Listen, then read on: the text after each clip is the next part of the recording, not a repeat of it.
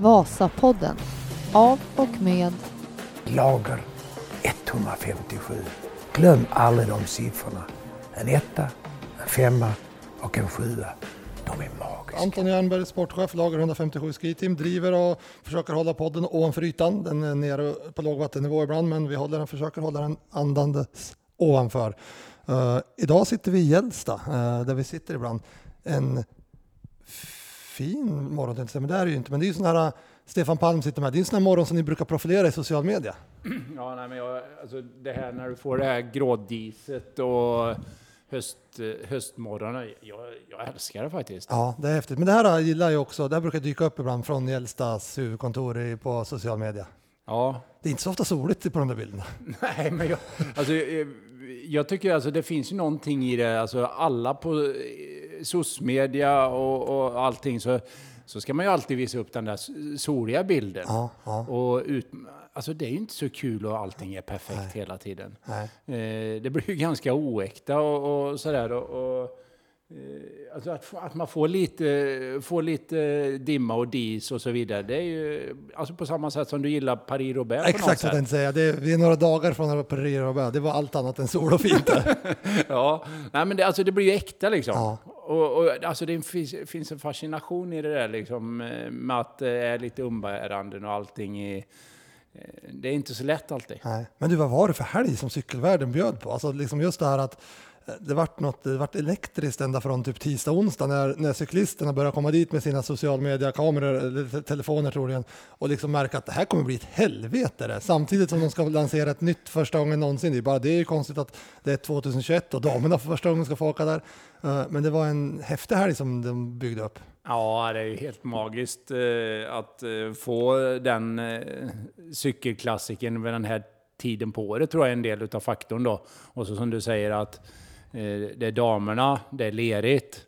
Allting liksom, eh, det, det blir ett episkt eh, race verkligen.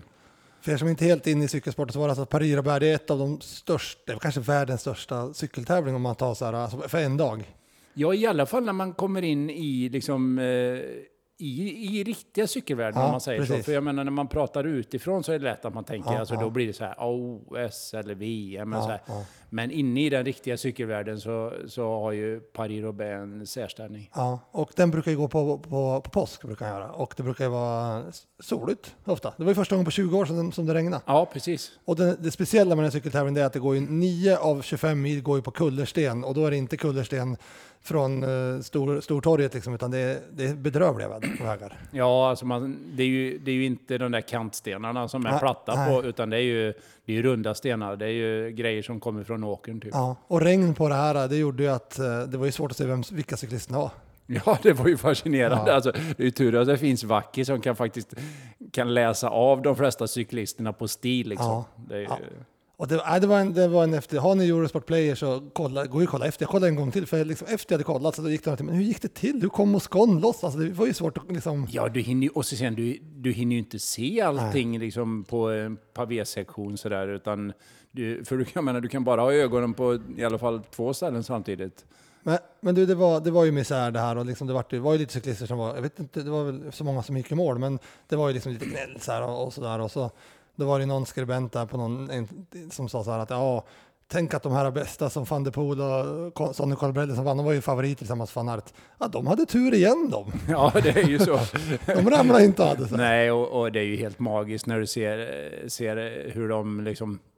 Alltså de har inte, de har inte ett släpp på Nej, däcken. Liksom. nej. De, eh, eh, van der Poel och Colbrelli, det är ju helt fantastiskt. Ja, det var häftigt. Du, vad ska man, om man ska slänga in det där i, i skidvärlden? Eh, så jag, brukar, jag har ju någon gång försökt fått eh, Tjeckien att bli det där eh, helvetet i Norge. Ja, men eh, det finns ju en, eh, en eh, episk, och det är ju Vasan 2015. Ja, ja, så är det. Alltså man, man kallar det multisport Ja, Vasa, ja. men det kanske var, jag brukar säga att det var den riktiga Vasan. Ja, så kan det vara.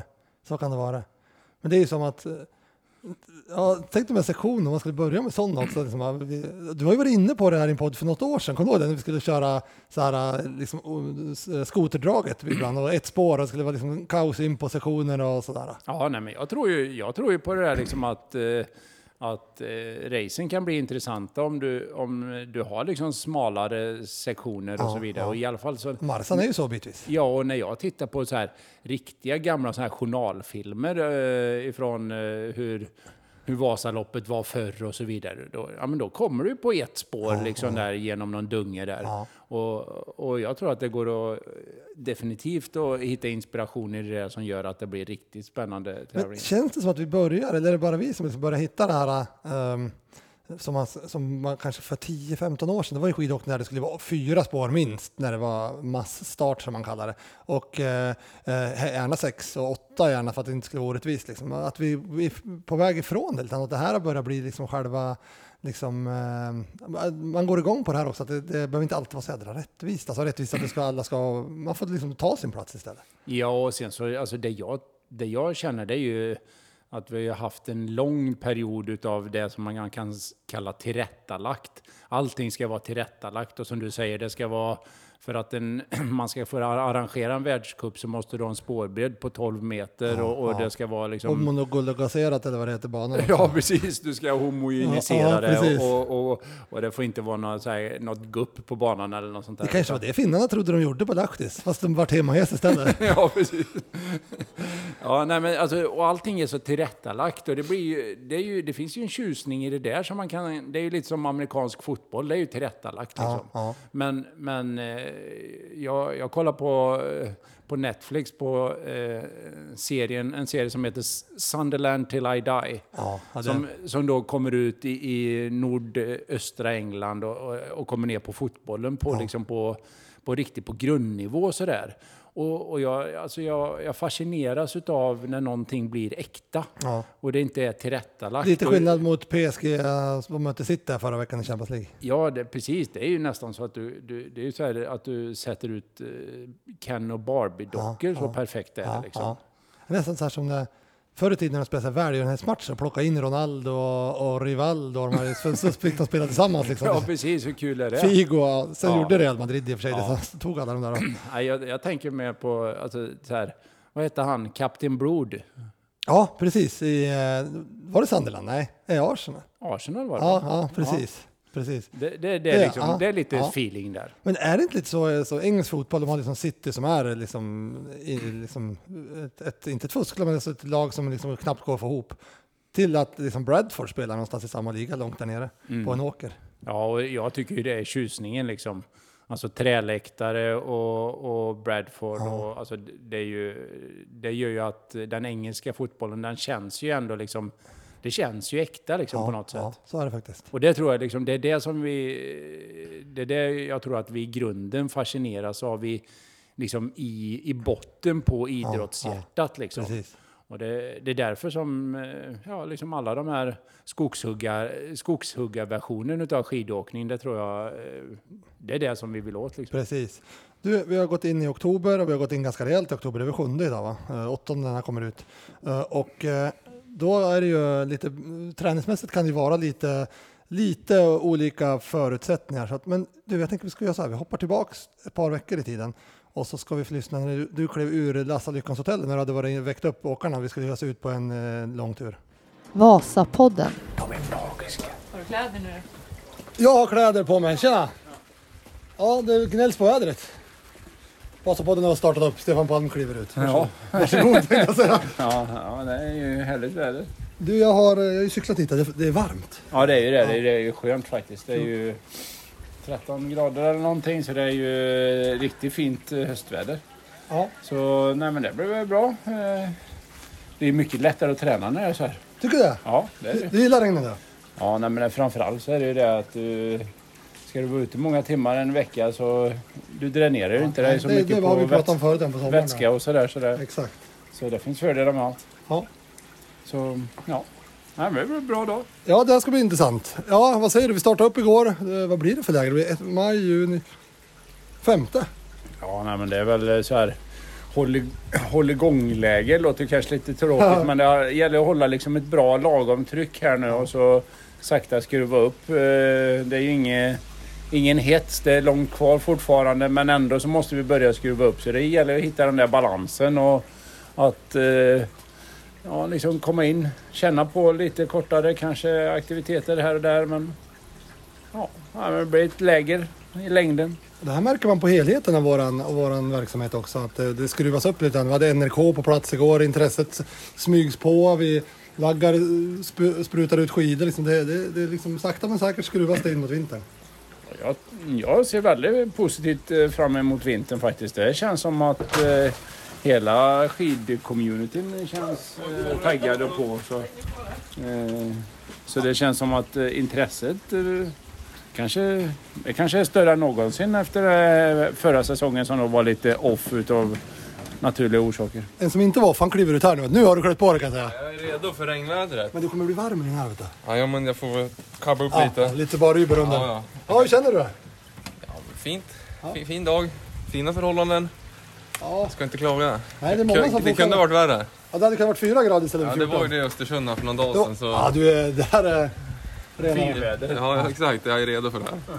Du, du varit lite sjuk och missade Värnamorölen. Ja, ja. Vi pratade ju för, i podd för ett par veckor sedan. Att du- Det bara- ska vi inte nämna nu då, så Nej, kanske nej. jag inte överlever det här Nej. läget. Nej, men nu är du tillbaka. Ja, nu är jag redo igen. Pigg och alert igen. Ja, så det har varit fina dagar hemma i Östersund. Ja. Tillbaka till någon form.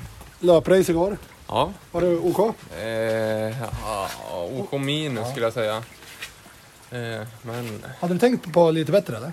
Ja, jag hade tänkt lite bättre men... Man, Blir är, du- man blir är fortfarande ingen löpare. Du bara vart inte det nu än. Blir du stressad av det eller? Alltså Nej. inte av att inte löpa utan att du kanske hade tänkt några halv minut snabbare. Eh, nej, alltså typ när jag var direkt efter mål tänkte jag väl liksom, fan det här var inte bra. Men sen gick jag in och kollade lite tider och jämförde. Då Ja. såg det väl ändå inte riktigt så illa. Tyckte Hanna var inne på en intressant sak där. Liksom. Alltså, vi, vi springer det här löpracet typ lika intensivt som förr i tiden. Men för varje år som går så blir ni ju mindre och mindre. Inte att ni springer mindre, men för fyra år sedan då kanske du sprang 20 procent. Ja, Och nu kanske du springer 5 procent. Jag har inte kört en enda löpintervall. Typ. Så det, det är faktiskt en sak, att- en sak att ha med när man, när man gör det här. Exakt, så det är väl bara att ha det. Vi tränar inte för att bli bra på det heller. Nej. Vad tyckte du om löpracet igår? Överlag? Ja, det är ju Ja, fantastiskt. där. Fantastiskt bra att ha det där. Eh, fantastiskt bra att ha det här testet. Ja. Det säger ju i alla fall lite grann eh, om vad man står för stunden och sådär. Och, ja, men man ser ju att alla tar det på allvar och eh, grym insats. Och, det är kul att vara med. Ja, kul. Du, det, vad, vad är klockan? Det är 33. Är folk, vad är det för som händer? Nej. Det är, du och kämpen, det är två kämpar och du som kommit. Ja, precis. Tre kämpar. Ja, precis. Ja, nej, det är väl så. De tittade väl ut och så fick de klä om och sådär. Så det blev väl, blev väl någon minut extra här. Så. Ja. Men det, Gött. Ja, vi rullar är på så är vi med här under dagen. Jag är ju på Ja, cykel idag. ja. Det är fel dag när man cyklar. Jag åker bil hela året och så tar jag cykel idag. Ja, jag, jag tänkte ju att det var 50-50 om du skulle komma i bil Ja, eller nej, men jag inte. tänkte att det, det, man kan inte, man måste ju föregå med gott exempel. Ja, det är bra. Annars ska vi stå på skijärgen med de här också idag. Liksom. Det Ja. får- funkar inte. Nej, så är det. Vasapodden. De är magiska.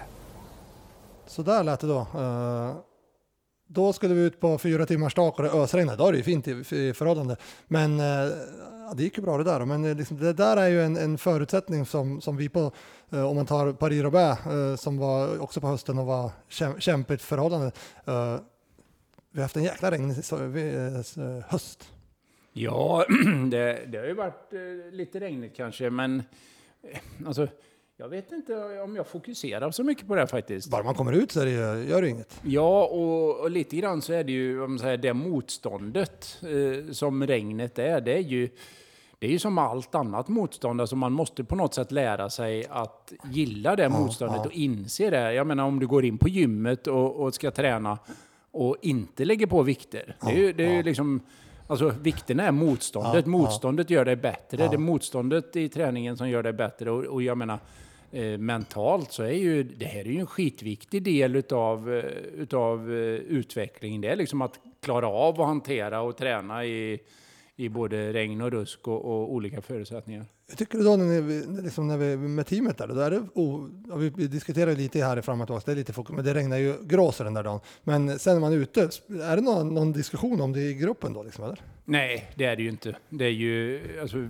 vi, jag tycker att vi har ett otroligt bra, bra fokus i teamet och sådär. Och det är ju också lite grann, kan man säga, eh, lägrenas eh, uppgift är ju liksom att faktiskt också hjälpa till att sätta den standarden tycker jag. Och, och ja, jag tycker Emil, han, Emil han sätter standarden, liksom han, han drar på sig regnstället och bara kör. Ja. Så ja. det, Men du, eh, en, en sak som jag reflekterar över då, att eh, rullskidloppen rullar ju på här, det är ju sista på tisdag nu och vi har ju haft regn många gånger nu. Eh, det brukar vi inte ha, brukar vi. Men förr när det var regn, då försvann folk. Ja. I år är vi 30 pers plus varje gång fast att det regnar så, så att kanske man är mer motiverad som motionär nu för tiden. Ja, jag vet inte om det är, om det är liksom årets säsong som... eh, Det har blivit lite grann så här att de som, de som verkligen är med nu, de, eh, de känns väldigt motiverade. Och sen så finns det väl de som har fallit ifrån här under Alltså. det senaste pandemiåret. Då, men för det där tänkte jag vi ska diskutera också. För att eh, nu går vi in i oktober, skidåkning, det ska ju det ska liksom koka nu i kitteln och liksom, det ska ju vara liksom taggat och det ska ju vara liksom, folk ska vara sugen på att titta och, och, och lyssna och se och så. Och det tycker jag man ser här, är större än någonsin. Man märker att åkarna är taggade liksom på, på rätt nivå eh, och så vidare. Men något som jag märker, vi är liksom några månader från säsongstart och, och eh, det bubblar inte medialt om längdskidåkning, i alla fall inte i Sverige tycker jag. nej, det är väl... eh, Det är lite så här någon ont i axeln och någon hoppar över ett läger på höjd, men sen, sen slutar det där. Ja, nej, men det är väl lite omställningsperiod i, i längd-Sverige här nu. Eh, Media eh, och med SVT då i spetsen ska ju, ska ju nu ställa över och, och ha läng, långloppen som sin pre, så att säga, premieprodukt och, och, och längdskidorna byter kanal eh, i världscupen och så vidare. Så det är väl lite omställning medialt sådär. Så, eh, så det är väl... Eh, det är väl den ena faktorn. Den andra faktorn, det är ju som sagt var, det är lite nu så här postpandemi i alla fall om vi får tro att eh, allting flyter på. Och, och då ska man liksom hitta momentum Ja, igen ja, liksom. ja. Så eh, det är ju väldigt viktigt eh, att vi som sport liksom är med och lyfter det nu. Ja, verkligen. Och det ser man ju. Ja, du och jag har ju diskuterat mycket. Liksom, hur kommer det ske nu då? Under flera års tid? Vad kommer ske? Liksom, kommer, kommer loppen fyllas? Kommer vi liksom, och vi har ju också liksom dragit paralleller till, till den sport som vi var först ut att få börja liksom, mot, det är hockeyn och fotbollen i Sverige. Och de gjorde ju ett jäkla jobb på en gång och de fyllde arenorna pang bom. Liksom. Det var lite häftigt att se. Ja, och det är väl en, en av fördelarna med att eh, det faktiskt är företag i botten. För eh, eh, lagsporten har ju blivit Ja, så professionaliserad ja. idag så, så det finns en ekonomi i botten och det finns inget att välja på utan nu måste vi fylla arenorna här. Och det är ju lite, det är lite om man säger baksidan kanske då med att föreningarna de kan gå ner på lågvarv och, och inte liksom så att säga, det blir inte akutkris på grund av det liksom. Men sen så ska vi igång också. Då måste vi igång här nu. Nu måste vi igång och vi måste skapa eh, tävlingar både för ungdomar och för eh, så säga, distriktselit och ända upp då. Och skapa engagemang och få ut folk liksom. Eh, så ja, men det är ju, vi måste ju mobilisera hela, hela eh, sporten här nu. Jag pratade med David lite om det där. Han var ju inne på alltså just det här med, vi tog ju cykel-VM då med 1,3 miljoner live-tittare. Hur han, han, och det, det, det var, han liksom, det är inte hans grej och det förstår jag, det är ju tävlingen i sig, men det är inte kanske så många som fokuserar på att ha jättemycket folk på, på längdåkningen. Här, här i Ulricehamn, fokus, det var ju det man fokuserade på när man gjorde första världscupen i alla fall. Ja, Eh, och, så där, och David pratade om att det vill de ju ha och på Marsan är det 50-60 tusen har de fått till så det, det kan jag köpa att det är säkert och så. Men just det här Uh, att man kan visa en fjälltopp och en lavin istället. Och det för att liksom i, i, i den här sändningen att det ska vara liksom intressant och så. Och det är det ju, men det blir ju ett jädra event när man har mycket folk också. tittar. Alltså, det är ju något annat då. Jag tror också man, man, skulle vi ha 40 000 i Mora som går, och står och tittar på mål, då skulle ju det vara lättare att fylla startplatsen också. Ja, absolut. Och jag, jag ser ju det här, alltså, Um, um, publiken som är på arenan, det är ju lite grann vad jag säger, det är ju toppen på isberget. ja. Det är ju det man ser då. Och, och ser man, är det mycket publik, då innebär det att det som är under ytan, det vill säga resten av isberget, är ännu större. Ja, ja. Så, eh, så jag tror ju att eh, Ja, men jag, det är väl en eh, bra utmaning liksom, att skidsporten ska kunna bli en publiksport och Ja. att vi har mer eldar och mer korvgrillning och mer publik. Liksom. Jag har ju, jag har ju eh, ett bra exempel. Jag sprungit Göteborgsvarvet en gång. Nu får ju de inte så mycket cred för tillfället. De har väl gjort lite konstiga, konstiga vägval i det här precis när man öppnar upp. Men skitsamma. Men jag sprang det en gång. Eh, och det är ju världens största halvmara, 30-40 tusen som springer va? Ja, det räcker nog inte tror jag. Nej, men så mycket folk som eh, tittar. Ja, Och då sprang jag, jag kommer ihåg att jag stod ganska långt bak, för eh, så här, jag sprang ju bland folk, alltså mycket folk, alltså mitt bland motionär. Men alltså det är ju så mycket folk som står och tittar och det är ju det där som det var häftigt, om man kan få folk att stå i Oxberg i från, och inte då, det står ju lite folk där, några hundra. Men alltså tänk att få så här tusental, för jag, jag vet inte, ja, det, det är ju hur mycket folk som helst i Göteborg på gatorna och tittar på alla. Och det är liksom från första kenyan till, till sista Svensson som går i mål så är det folk ute. Ja. Och det är en folkfest liksom. Ja, nej men dubbla led om vi pratar om det. Alltså, det hade ju, om vi nu bara tänker så här att vi skulle eh, lyfta Vasaloppet och så tänker vi att ja, men vi fokuserar på dubbla led i, i de första en och en halv kilometerna och de sista tre. Ja. Alltså bara där liksom. Och så sen så, eh, för jag menar om du tänker dig starten där upp. Ja, ja. Eh, nu är det ju kanske inte den delen där det avgörs Nej, då, nej, men, men, men ändå bara liksom att få det här med dubbla led, det tycker jag liksom är, det är en skön känsla. Och det vet jag att ni alla och alla som jag har ju själv åkt maraton, du har åkt maraton, alltså det är häftigt att gå i mål på Marcialonga. Ja, ja, det är ju... Det är ju Och där är det ju också så att alltså, två timmar efter så är det fortfarande lika mycket folk på torget. ja. Så där har, har ju folk och, och, Men sen skidsporten har ju det här, för nu fick jag till mig igår att Ulricehamn då som faktiskt drar folk, de fick ingen världscup till, ja den här vintern var det klart att de inte skulle, men inte nästa heller. Jo, Nej, de fick skjuta ytterligare ett år. Till, och börja i december 2023, så 23-24 året har de. ja, ja okej. Alltså de fick ju en världscup, men de sköt ju på den väldigt långt bort. Ah, jag, nu fattar jag. Jag tror jag, jag låg ett fel. Jag Ja. tror jag missade det igår. Jag, Ja, men jag de- låg ett år fel. Men, men det stod ju 23 så man tänkte ja, ja nu fick de ju. Ja, men de det. sköt på det. Så det är två år, två, två år och två månader bort. Ja, just det. Och det är lite synd faktiskt för, för, för världscupen den behöver Ulricehamn. Ja, nej, men det, både, eh, världscupen behöver Ulricehamn och Ulricehamn behöver världscupen. Ja men så är det. Så är det. Ja.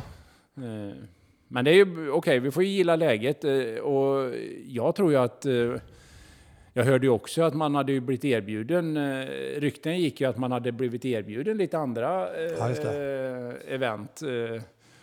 Nu har jag bara andrahandsuppgifter på det här då, Men det gillar vi ju podden. Det är, Ja, så jag tror att, Andrahandsuppgifter är ju väldigt bra Ja, uppgifter. Nej, men jag tror att det var några U23-VM Ja, som hade varit aktuellt, några. JVM och sådär som, som hade varit frågan. Men, eh, men att man var lite negativ till det, och det, och det kan man väl förstå, men men skulle vi inte kunna ta det som en utmaning och att göra det till eh, den nivån till, till ett event också? Liksom? Nu kommer vi in på hockeyn men de gjorde, hockeyn fick ju för sig liksom att nej, junior-VM det ska ju bli som, det ska ju bli mycket bättre tryck än vad, vad, vad vanliga VM är. Och det fick de ju till ett tag. Ja, men jag tycker att junior-VM, det är Ja, ju, det det är ju superbra Precis. i hockey. Ja, Men- och, det måste väl, det hade väl varit bra? Ja, ja det hade varit häftigt. De borde kunna ha 10 000 där uppe på junior-VM. Ja, och lite grann det här med att när vi börjar fånga upp eh, eh, stjärnorna, Ja, juniorstjärnorna, ja. alltså bygga sporten ifrån det hållet. Ja, alltså helt rätt, van der rätt. Ja, ja. Poel-tänket. Eller ja, i och för sig Kläbo också. Det, det har man Ja. gjort bra med Kläbo liksom. Jo, men just det här att få bygga, det är helt rätt. Det är så, så skulle man ha gjort. Ja, för jag menar, alltså i fotbollen så pratar man ju om talanger som är 18-19 år och, och det måste vi ju göra här med. Men eh, så JVM, det, är ju, det ska vi lansera. Du, jag tittade på eh, Spanien, eh, det är Nations League nu, det är också en konstig grej, Nations League. Men det är i alla fall Nations League-slutspel eh, i fotboll. Italien-Spanien igår, semifinal. Spanien startar med en mi- mittfältare som är 17 år gammal. In i mittfältare också. 17 år gammal vet du. Ja, du vet, eh, jag sitter fortfarande och väntar på om de ska byta Iniesta. Men då kom jag på att Iniesta började i landslaget när den där killen föddes. Ja, och, och det finns ju delar av Sportsverige som så här hade ringt till Socialstyrelsen Ja, och ja, hade skickat in en Ja. mitten mittfältare som är 17 absolut, år. absolut. Så det, det är lite intressant, för de är ju unga de här killarna. Eh, och tjejerna, som, tjejerna kanske ännu mer, för där är det, det vet jag ju, där på hockeyn i tjejerna, de är ju typ 15 år när de spelar OS. Uh, eh, och det går ju ofta bra, men nu läste jag igår, och det är väl men att en kille från Sundsvall, Sundsvall, Giffarna följer jag ju mycket nära, spelar ju med mycket ungdomar, 16-17-åringar. Nu var det en av dem som hade fått eh, uh, hoppa åt sidan, för liksom, det varit mentalt för tufft. Liksom. Och det ska man ju ha, ha respekt för, att det är, väl, det är väl den aspekten man kan ha. Att fr- gå från gå i nian till att spela inför fulla läktare och faktiskt få press på sig. Det är väl där man måste guida dem så hårt det bara går. Ja, eh, det, är ju, det är ju alltid en utmaning, tänker jag. Sådär. Eh, men sen är ju min upplevelse det är ju det att i den åldern så är man ju, så är man ju är man med på den nivån, då är man ganska fokuserad. Ja, men så är jag, jag tror att det, det är lite avvikelse, men Men man studsar tillbaka tänker jag också. Det är bara hem och vila ett par dagar, sen är man tillbaka. Ja, och sen så är det väl så här att man ska också komma ihåg att- elitidrott är inte för alla. Nej, så är det. Det, och det är en grundförutsättning, liksom elitidrott. Det kommer inte vara så här eh, anställningstrygghet i elitidrott, för det, det funkar inte, så för är då är, liksom, är då är det inte elit längre. Precis. Så, och det får vi gilla eller ogilla, men så är det. Ja. Nej, man kommer ihåg när man- Benjamin Nygren i Blåvitt för några år sedan slängdes ner till Belgien. Jag vet, det var många som, länge sedan man såg av honom. Ja, ja det, det, det är lite för djupt in i fotbollen Ja, för att det- jag ska vara med på den. Ja, nej, men det, det är, nej, men det, så är det ju. Alltså, om du, det är lite skillnad i fotboll, hockey, även cykel är ju, alltså det är, har vi sagt förut, Pogacar 20 år när han vinner Tour de France. Alltså det är inte att de är jättegamla då inte. Nej, nej, men cykel det är ju stenhårt och, och, och jag menar, ska du bli någonting i cykel, så, som svensk till exempel, så får du vara beredd att flytta till någon, någon etta i, i, under gatuplan i Belgien, i någon liten by Ja, sådär. Och, alltså, det är inte lätt. Nej, är det. Eh, Och det, alltså, det är ingen dans på rosor och, och, och Nej. bli, bli något i, i många sporter. Det där är nog inte skidåkning heller. Alltså tittar man liksom, alltså som Norge som har det här fenomenet, på, nu kanske på här sidan förut kanske på dem, men det är hur många som helst. Det är många av dem som underkastar sig det här också, bor på någon, i Meråker i någon liten källare under fyra år liksom och bara tränar och äter, äter liksom billig mat och sen så skater de till sig en bronsmedalj på ett VM. Ja, och jag tror liksom det här att eh, när, eh, när jag gick på gymnasiet och vi hade så här nation, nationellt intag på gymnasiet här, då bodde ju alla så i en lite, Ja, alla ja. som gick på skidgymnasiet, det var ju liksom, det var ju de fysiska hjältarna Ja, på den ja. tiden. De gick ju, de bodde i någon sån här liten etta, antingen i källaren eller någon vindsvåning någonstans Ja. liksom. Eh, och ja, men de, som du sa, det var, liksom, det var nudlar och, och, och hård träning. Det var det som gällde. Liksom. Ja. Och det var helt naturligt. Medan idag så känns det som det är mer tillrättalagt. Och, och färre vågar, eller orkar gå igenom det helt enkelt. Ja, det kan vara så. Det kan vara så. Ja, du, eh, jag tänker vi måste ju eh, Vasapodden här förr i tiden, eller för, då, då hade vi två favoriter som var med i varje avsnitt i stort sett. Inte fysiskt, för det, får, det har de aldrig fått, men de alltid pratades om. Och det var ju eh, Chris Jespersen. Vad har, du, är ju social, du följer ju social media. Vad har du på Chris Jespersen nu? Ser du honom någonstans?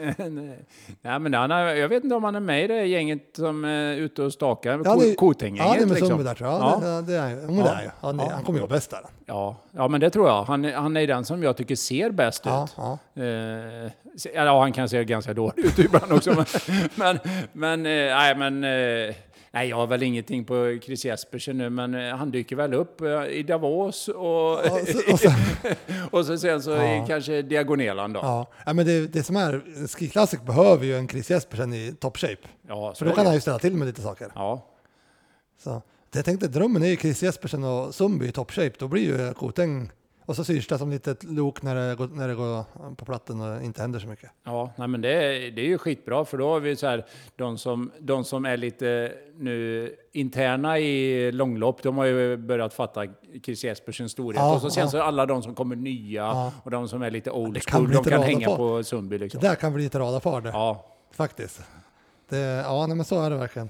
Så är det verkligen. Eh, så han, men han har vi inte så mycket på just nu, mer än att han kämpar nog på. Det känns ju ändå som att han eh, är Koteng där. De har ju, liksom, de har ju fått, eh, det, är lite, det är lite nytt Koteng. De har liksom lanserat något lite nytt lag och sådär. Med gamla åkare. Astrid det var ju superbra någon gång såg vi. Men vad har vi egentligen, alltså de har inte synts jättemycket, inte rullskidtävlingar, man ser dem på lite social media ibland när de har lite läger och sådär, men de har tagit en annan väg än till exempel Ramudden och till viss del vi och Ragde under, under sommaren. ja, de har blivit lite mer lokala känns det som. Ja, alltså, så kan det de vara. är tillbaka till rötterna. Det kanske är så här att de är de som gör rätt. Liksom. Kan vara så. tillbaka, fokusera på träningen och fokusera på att bli bra och, och kanske eh, slå tillbaka i vintern som bara den. Ja, Så, eh, för de, på något sätt så är de ju, de aktiva märks ju ändå fast lite under ytan. Så. ja, ja. Men du, nu, nu ska jag, nu tar jag in min social media, eller Instagram samtidigt, för att har de bara en tjej eller? Än så länge? Eh, det är någonting som säger mig att eh, de har två, men jag kan inte... Ja, det, Svara på de det. borde ju ha två tjejer, eller man ska ju ha två tjejer, så att det borde de ju ha. Men Ja, men det är Vem- klart att de kommer att... Ja, eh, de kommer väl ha en till tjej då, men just Och nu sen så... å andra sidan så är Astrid så bra så att hon Ja, åker ja. för, Nej, men det- verkar ju åka för två tjejer Ja, nu, nej, så- det var hon, återigen så gjorde hon en sån där grej i, i toppidrottsveckan som var jätteimponerande verkligen. Ja. Alltså. De, de, de har ju ett problem också i, i Koting. Eh, Det är ju liksom att Martin kallades ju Martin Maskin. Ja, Men nu är ju Astrid Ja, Maskin ja, också. Så ja, nu är det ju... Ja, de det har är två- bara frågan om när de ropar ma, ma, maskin. Om, Vem- om, om bägge svarar då eller? ja. Det, där, det där kan bli ett riktigt eh, intressant lag. Eh, skulle man bara få liksom, sätta utifrån eh, ihop deras lag, så skulle de haft en ung bra tjej också, liksom, lite framtidstro på det. Då har de ju ett häftig, häftig mix av åkare. Ja, det är ju synd på... Alltså hade det varit på herrsidan så är det ju Norge, det, det finns ju 300 unga. Ja, ja. Det är lite Ja. svårare med norska tjejerna Ja, där och bara kasta in en ung, eh, en ung bra norska. ja, det verkar ju så, som att det inte är lika lätt där inte. Så, Ja, och så, ja. ja, vi, får, vi får se helt enkelt Ja. vart vi hamnar. Eh, ja, det var Chris Jespersen. Vi, han, han, åt- alltså, jag tror Chris också kommer växa under, han, han är lite så tävlingsmän, alltså när han kommer med på podden när, det blir, när han kan bryta tävlingar. Alltså. Ja, Hade han åkt klarare så hade vi pratat om honom, för då hade han ju brutit. ja han, hade ju, han hade ju varit i utbrytning och brutit. Ja, han, så- så, han går på det själva Precis, brytet så, att han, där. så det, skulle, vi kanske måste ringa till, till, till Bernhard där och fråga hur det går för trä, alltså hur mycket han bryter träning och så. För då kanske, då kan, Ja, nej, sen, jag gillar ju han med det, för jag tror ju att under ytan där så är det ju en hård, Jag tror- hårt jobbande atlet. liksom. jag får ju också känsla, exakt, ja, vi gillar ju Chris Jespersen på riktigt och jag får ju också det här social media som de profilerar ut. Han är ju ofta först, jag har haft han som eh, liksom ligger och gnetar i eh, motvinden. Ja, och jag tror liksom även när du ser att vissa av eh, säsongerna som Petter var riktigt bra Ja, så ja. var ju... Ja, eh, han var framför. Det var ju Chris som Ja, var liksom eh, är det. Så på är det. sommaren. Precis. Eh, ja, Chris Jespersen var det. Vi tar med på han när vi får med på han. Men en som har börjat rört på sig, det är ju den andra favoriten, Kjell Nordström. Ja, precis. Och det är högt och lågt vill jag säga. Ja, Det är det mest lågt. Faktiskt. ja, eh, höjdmetermässigt så är det väl ganska högt. Ja, då är det högt. Då är det, högt. Ja. Ja. men alltså, det finns så mycket att prata om Kjell just när vi inte har gjort det på ett tag. Men det börjar ju med att han helt plötsligt ska åka Atomic. Ja, precis. Eh, från att ha åkt Ross och sådär. Alltså, då, då, då tänker man att okej. New Han- season, new ski skrev ja, han. ja, och liksom, då tänkte man, "Och du håller for, fortfarande på kände jag då, vad kul. Ja. Eh, sen förstod jag också att det vart ju, de tog ju Colonia och, och han samtidigt. Så han är väl lite schweizare nu va? Ja, det är ju Schweiz som är hans utgångspunkt och det har väl varit det ett Och tag. han är väl schweizisk medborgare? Ja, det kanske han är. Ja, det var ju om det i fjol, att han skulle satsa mot OS eller VM eller något sånt där. Nej, men han bygger ju hela sin satsning kring Schweiz Ja. och, och sådär. Så. Precis, ja, så det började där. Sen så dök det upp någonting på social media som jag tror var skämt, men det är svårt att veta när det gäller Kjell. Alltså. Han körde någon maskin. eh, jag försökte hitta den nu, på, den var på storyn, men det gick inte att hitta. Men det var alltså gummiband. Det var som en studsmatta. Så var det gummiband åt alla håll på armarna och benen. Så han stod liksom och hoppade och drog i gummiband åt alla håll. Eh, och det var hans nya träning. Liksom. Ja, då kände man att nu är han på gång. Alltså, det här känns som att nu tar han till alla medel. Um, Ja, och så sen går det någon vecka till, nu är vi nutid efter förra veckan. Då dyker han upp med Axel Ekström i Lenzerheide. Ja, precis. Så, som också blir en, en artikel på längd.se. Ja. Det tog Johan Trygg upp också. Man undrar ju hur det gick till då eh, med liksom hur de teamade upp. Ja, det känns väldigt udda Axel Ekström-grejen där alltså. Mm. Eh, det stod faktiskt, det var en hashtag i, i, i hans eh, eh, Insta där. Ja. United by Chris Sports. Bägge två har den eller? Eh, nej, det var bara Kjelle som hade den. Ja, just det. Ja. Eh, jag har inte kollat Axel i och för sig. Men, Nej, men, eh, men eh, de hade tydligen eh, träffats med hjälp av Chris Sports och så sen så någon form av Roland i Schweiz. Känner du? nej, nej. Rolands, det är ju, det är ju, Robert Gustafssons dansband. Ja, precis. eh, nej, så i alla fall ja, så har de ju träffats upp där och, Ja. och kört ganska hårt där och legat mellan 1800 och 3000 eh, meters höjd och, och kört ett höjdläger ihop. Ja.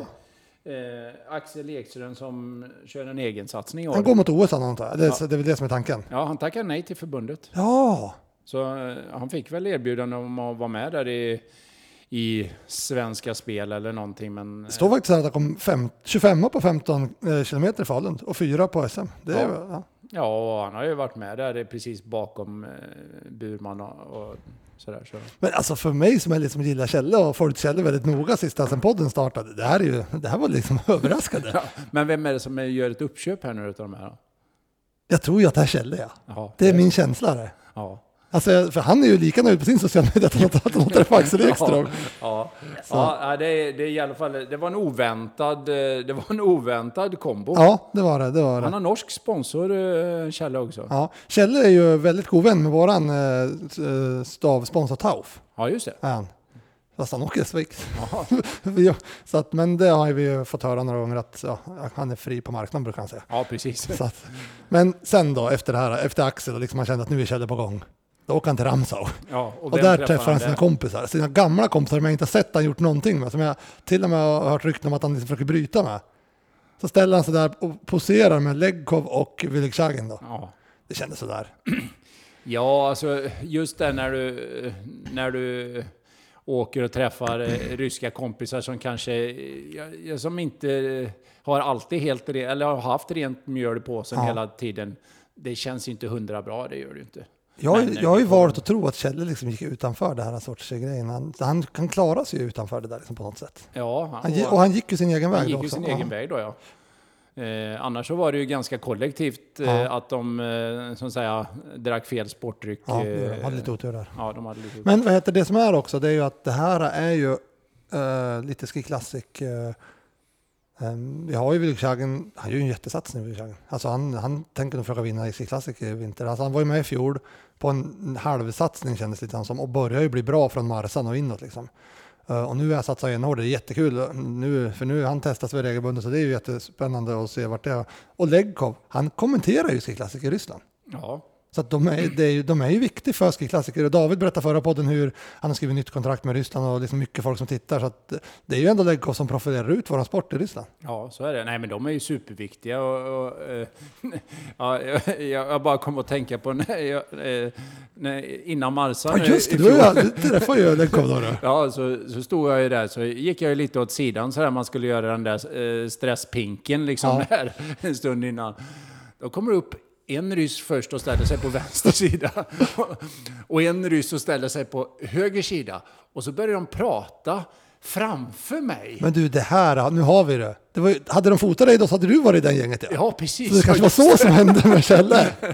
Så då, du vet, jag trodde ju det var ryska maffian, men det visade sig vara Legov och Wilekshanin som också skulle stresspissa där. Ja, men det kanske var så det hände. Ja. Nej, nej men skämt åsido, alla har ju chans. Alla ska ju, de är ju tillbaka nu och det har de varit ett tag och då ska de ju...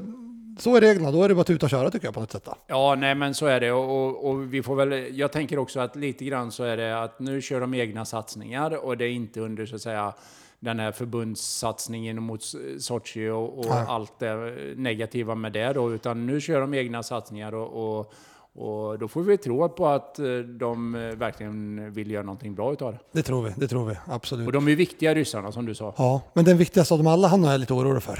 Uh, Emir Vukojev. Han skater nästan hela tiden. Så jag tror att han går mot OS igen. Är det så? Men jag, eh, jag ska visa här för att se. Eh, ja, jag är lite orolig för honom faktiskt. Att eh, vi tappar honom. Han är min, jag har många favoriter. där. Men eh, alltså han... Han, är det inte lite grann det han som är hans både tjusning och hans utmaning där liksom eh, Vukojev, att han är lite ofokuserad i sin, jo. alltså i hela sitt uppträdande. Han kan äga, eh, äga liksom eh, eventen och... Så här nu visar jag en film han, liksom, han skater inte lite, han skater Nej, fort. det är ingen så här det är inte eftermiddagsskate. bara ute och eftermiddagsskejta, det där är Nej. inte... Nej, det är det inte. Och, nej, det är... Det är... No, det, det är väl det. Det är väl det. Det en känns som han har lite problem med fokuset liksom. För jag menar, han kan vara med och så äga, äga fyra event Ja. och så sen så, så kör han något lokalrace Ja, i Vladivostok. ja, precis, i, precis. Nej, vi får se vad... eh, Vi får se här vad, eh, vad som sker med Vukojev. Men han brukar dyka upp där och vara vass. Ja, Kanske han missar Ors- Orsa för han ska åka Tour de Ski. Det brukar han ju också göra. ja. Och så har han ju ofta svårt att hålla ihop det i slutet. Ja, precis. precis. Så det, var ju, det hade vi diskussioner om i våras med, med David också. Varför han försvann. Han var, han var med och slog som gula tröjan och försvann från eh, Vålådalen. Men det var ju nog, Han var förbundsanställd eller något sånt där. Han skulle hem och jobba när det var slut på världscupen. Ja, det var något sånt där. Ja, nej, men det var ju bara. Men Kjelle, han, han är ju ändå lite mer aktiv på social media. Han har och tränar med Axel. Han har nya skidor. Han kanske kan bli lite bättre. Mm. Så, men jag vet inte, han åker ju inte i, han åker inte i något lag längre. Nej, det vet vi väl inte? Nej, nej, nej, det vet vi inte, men han åker ju inte i... eh, Bauer har ju lagt ner dem. Eh, nej men eh, han, han är väl som Tauf säger, han är väl free agent och han ska väl dyka upp någonstans. Men det kanske var det som, eh, han kanske dyker upp i Russian Marathon Team trots allt här Ja, då. ja. Om, om det nu är så att han är där och tränar lite grann med Ja, det kanske han grabbarna. gör. Ja, det kanske han gör. Det kanske. Eh, För du vet, det här är, också, att det, det, han körde ju Ed Bauer system då. ja, Och där har ju Bauer gått till sidan, han är ju polsk tränaren. ja, Och nu har ju Ed System gått in i Selvini Madsus team verkar det som. Mhm. Och blivit Ed System eh, Selvini team och Madsus verkar borta. Så det är ju, det är väl två tjeckiska sponsorer som har gått ihop där. De har haft en mediadag här också faktiskt. Mm, nej, det, är ju, det är ju en seriös satsning. Ja, det är det. Det hade ju varit grymt om de fick in där så det kanske kan vi få in eh, källor där så... Ja, för jag har ju en, jag har en spaning till här. Okej. Schmutna. Ja, Alltså hon, det här, hon har ju slutat. ja, Men hon är ju sånt här var och varannan dag. ja. Kanske hon dyker upp också vet du, till slut. Det kanske är så. Här har hon till och med åkt en rullskidtävling vet du, i nu, nutid. Ja, du ser. Men vad tror du, kan hon vända på det då? Nej det tror jag inte, men hon kan ju åka. Ja, ja absolut. Alltså hon kan ju vara, nu kommer det vara tuff, men hon kan ju vara Hon kan 10 vara 12 topp 10. Ja, precis. Ja. precis. ja. Nej, men det är, det är bra. Alltså, vi vill ju ha med alla. Så det, Ja. Ja, det var ju som, så det pratade också David om, man ska, man ska ju inte, inte kön, eller könsdiskriminera ska man inte heller göra, men man ska ju inte åldersdiskriminera heller bara för att man blir äldre och sådär inte. Nej, och jag tänker väl att just det här, det är väl en av långloppens eh, stora fördelar, det är liksom att vi verkligen kan få breddsatsning liksom. Ja, Det ska kunna vara många som är med och, jag, jag tycker ändå att Tjejvasan är ju en otroligt bra ja precis. brygga liksom. Precis. här, här finns det eh, möjlighet för många fler, eh, alltså topp 50 kan vara med liksom Ja. i, i, i dam och faktiskt göra ett riktigt intressant lopp. Ja. Så. verkligen, verkligen. Nej, så, så är det verkligen. Och vi, vi står ju där i att vi, vi måste ha alla, alla med, både dam och här, så är det ju. Ja, precis. Och sporten måste vara relevant och vi måste vara relevant utifrån motionärsperspektiv och rekrytera ungdomar och så här. Så det är ett stort uppdrag. Så är det. Du, du sitter ju där eh, liksom mellan eh, elit, eller ja, som elitmotionär strax efter eliten. Och så. Hur, hur tänker du på den här vintern med, med eh, Ski Classic och är du, är du taggad på det liksom eller? Ja, jag är faktiskt eh, riktigt taggad och, och det känns som... Eh, det känns verkligen som att eh, fjolåret gjorde att man... Man säger, jag tror att är man som jag i alla fall så kommer man tillbaka och nu verkligen ser fram emot och längtar efter att få, få åka iväg på de där tävlingarna och att eh, ja, stora startfält och lite, alltså lite enklare allting liksom. Eh, så jag tror att det kan bli riktigt grymt och jag hoppas att så många som möjligt hänger på här utav utav alla våra ex-stockholmare och, och alla andra elitmotionärer runt om. Liksom, så att vi ja, mm, verkligen utnyttjar nu att vi har öppnat upp och, och sådär. Så.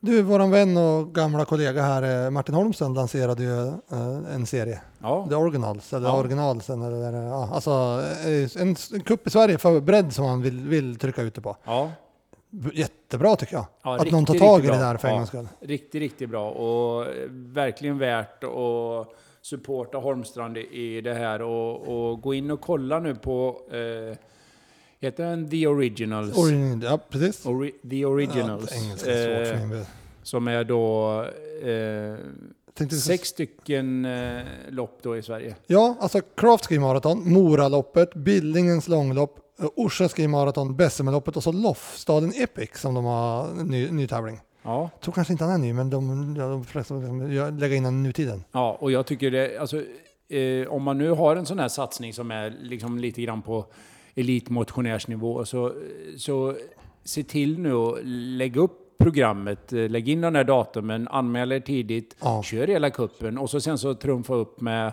Marsan och, och, och Vasan då Precis. utöver detta så har ni ju en superbra säsong.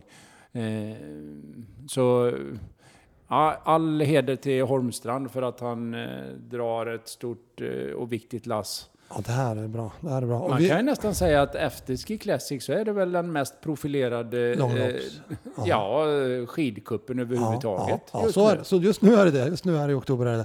Och vi kommer att finnas eh, representerade vid fler, flertal tillfällen tror jag. Alltså, vi skulle kanske in, trycka in ungdomslagen till det där tänker jag. Ja. Det är ju perfekt för våra ungdomar att kliva in i långlopp på det där sättet. Ja. Eh, nej, men det känns riktigt bra och att eh, med det här proffsiga eh, anslaget och, och eh, ja, men det känns verkligen som man har ett fräscht anslag i Ja, det. och så det, det som är, det är ju safe. För det här är ju redan nu eh, på långloppsnivå i Sverige bra event. Absolut. Det är ju tusen på alla nästan skulle jag säga. Ja, och här finns det ju möjlighet att eh, verkligen bygga, eh, bygga en bra, om man säger andra division Ja. efter uh, Ski Classic-nivån. Då. Så, så det där, eh, ja, mycket positivt och ja, det ska bli kul också Verkligen. att se. Men, men tror du kan vinna det där? Har du någon... Eh, det blir väl Pontus och sånt där. Våra ungdomar, både killar och tjejer, hoppas jag har bra chans om vi sätter dem på allting. Och vad har vi mer då som blir? ja, en, en som jag funderar på som liksom ligger lite lågt, eh, och det är väl också så här, det är ju Bob. Ja, Bob ligger väldigt lågt. Han är uppe i Ja. Harsa och ligger väldigt lågt han. Ja, Ja, men eh, han ska köra eller? det vet jag inte. Nej? Han är ju med i Ed Ja, Bauer det var System. precis. Så han, jag vet inte, vad, det var intressant. Nästan vi måste ta reda på till nästa podd vad Bob Ja. gör. Ja, vi får, en, det är lite grann som man kan... De efterlyste bröderna Dalton en gång i tiden. Ja, just det. Ja, Efterlyser Bob här nu då. ja men det, det med Bob också, att, det, att man inte har hört av honom. Det behöver, han kan ju göra sin bästa satsning någonsin. Ja, ja, men det är det alltså, jag man- menar. Liksom. Man kanske kommer, det kanske är det som är tecken på Ja, att han ja. gör sin bästa satsning. Och Bob eh, känns som att han kan ju börja nu och göra, bli sin bästa Vasa ändå. Alltså, alltså han är ju han är lite gubben i lådan sådär. Ja, nej, men eh, alltså... Och det är ju verkligen någon, eh, någon som vi gillar, eh, så är Ja. det ju den typen av åkare. Ja, ja, Bob har vi, han har ju han har varit tvåa på Vasan, så det är klart att han blir ju favorit i den där kuppen om han gör en satsning mot det, helt klart. Kommer han åka med de mintgröna stavarna tror du? eller? Ja, det tror jag. Eh, Sixten heter de. Ja. Ja, det tror jag. De, de har han nog livsstil på tror jag. Så det, det kommer han inte ur. Det kommer han inte ur. Nej, så, så, det. Nej, men så det händer ju lite roliga grejer och man märker ju nu, alltså, det har vi inte pratat om kanske på podden, jag vet inte, men Vasaloppslägren, det är ju bra drag på lägren i Grönklitt för oss. Om man, Ja. intresset och vårat klassikläger där samtidigt som premiären fylldes på två dagar, det är det mesta drag vi haft någon gång. Uh, tidig snö, nu finns någon plats kvar så vill ni vara med i slutet av månaden, tre veckor bort, så kom, anmäler. Eh, och så sen har vi uh, Vasalägen, så man märker att det finns ett, det börjar liksom surra lite än eh, bland skidåkare och motionärer. Ja, det är ju superskönt. Och och jag såg den när, när du la ut den där eh, tidig snö. Det var ju någon eh, Ja, en- drönarbild ja, där ja. över Orsa-marken där. Ja. I, ja, då får man ju bra sug Ja, alltså. så är det. Så är det. och, ja, man, man längtar efter Orsa nu och efter läger och, och det är ju kul att höra att det är bra tryck alltså. Ja, det är, det är väldigt roligt. Du, hur ser, hur ser det ut på här då? I lager, lagerlokalen som vi sitter Är det bra tryck på? För mer och mer vinter är ju lager. Alltså om vi inte tar XCC utan vi tar lager. Det är liksom alpinkläder och det är liksom det, det, det är även en vintersäsong där som inte bara är jeans och skjorta liksom. Nej, nej, men vi är ju på... Vi satsar ju hårt på hela den här funktionskategorin då Ja. med, med outdoor och även då som du säger vinterfunktion och underställ och så vidare. Och, och, ehm, så rent produktmässigt så eh, har vi ju riktigt högtryck nu. Så det, är- det är, ehm, vi är väldigt ödmjuka inför att vi, vi säljer otroligt bra och har riktigt bra tryck i hela verksamheten. Så eh, ja, vi är, vi är glada för det. Sen så kan jag komma med en liten, den här känner inte ens du till. Ja, okej. Nu får vi lansera en sak här. Ja, vad Vi kul. har skrivit på en ny butik. Oj, Eh, så du, nu ska du få gissa i vilket land först, vilket det är så här. Danmark, Nej, det är det inte. Tyskland, Nej, jag säger det är ett skidland då. Tjeckien. Nej. Det är ett av de befintliga. Alltså, då, då väljer jag på Norge Nor- och Finland. Norge då? Norge säger jag. Nej, Finland. Finland, okej. Jaha då. Lahti eller? Ja, Lahti? ja, vi har Ja. skrivit på i Lahti faktiskt. Oj, vad kul. Så nu så kommer vi att gå in i klassisk skidmark Ja, det blir i, i Finland. Så. Precis. Lahti är en ny butik, så eh, vi skrev på i, ja, i förrgår. Och eh, vi satt och skrev på och gjorde jobbet med kontraktet. Och en timme senare så lyfte Mattias planet eh, till eh, Finland för att börja renoveringen. Ja. Så nu är vi igång och så kör vi Lahti, så öppning i 25 november. Så, Men du, har, har ni Falun? Eh, nja, Vi har ju Borlänge då. Ja, så, det är ju väldigt nära. Men tänk Ja. dig då. Och då har ni Oslo, det är Holmenkollen. Falun, det är ju liksom, det är nu, där är ju det original så att säga. Ja. Och så Lahti. ja, och Östersund. Östersund. Ja. Ja, ja, precis. Så ja, det är, vi, vi tickar in dem, så Ja, det är Trondheim ja, kvar då. Trondheim har vi kvar, ja Eh, precis. Trondheim är intressant. Och så Cavallese då. Ja, precis. Ja, precis. Då, då, då. Då ser du nog inte Mattias på något år om man ska få ordning där nere. nej, och mig själv. precis. Ja. Så, Men äh, nu, Nuno Gomes, det var ju en fotbollsspelare. Vad heter han som spelade? Nu vart jag dum här. I gamla storåkaren där som har en sportbutik i, i eh, Val di Fiemme, dalen där. Eh, inte Nuno Gomes, men Nuno. ja, men i alla fall, han har ju en butik, det finns nu, vi får kolla upp det. En, en italien som har gift med en svensk fru. Okej. Um, ja, skitsamma, han har ju en sportbutik. Vi kanske ska erövra den och sätta en XCC i Val istället. Ja, det kanske är så. Ja, Eh, vi har ju, det är ju den andra delen som tuffar på. Det är ju, det är ju försäljningen av skidor faktiskt på XTC som, Ja. eh, som eh, framförallt då laggar och, och mycket du eh, jobbar med. Då. Så det tuffar på bra. Ja, det tuffar på. Och nu i, idag lanserades, lanserades, lite trycka till rullskidorna en gång till. Ja, precis. Så, Det var barnrullskidor, junior, tusen kronor. ja, Det, det, är du- riktigt bra. på riktigt så vart jag igår, det här skulle jag väl ha köpt. jag. Men jag, jag måste ju kunna få en på själv. rullskida. Jag måste kunna, nej men jag inte klara mig, jag måste kunna få en skida. Men det var så liksom, jag var så sugen på bilden, var snygg och tusen spänn liksom. Ja.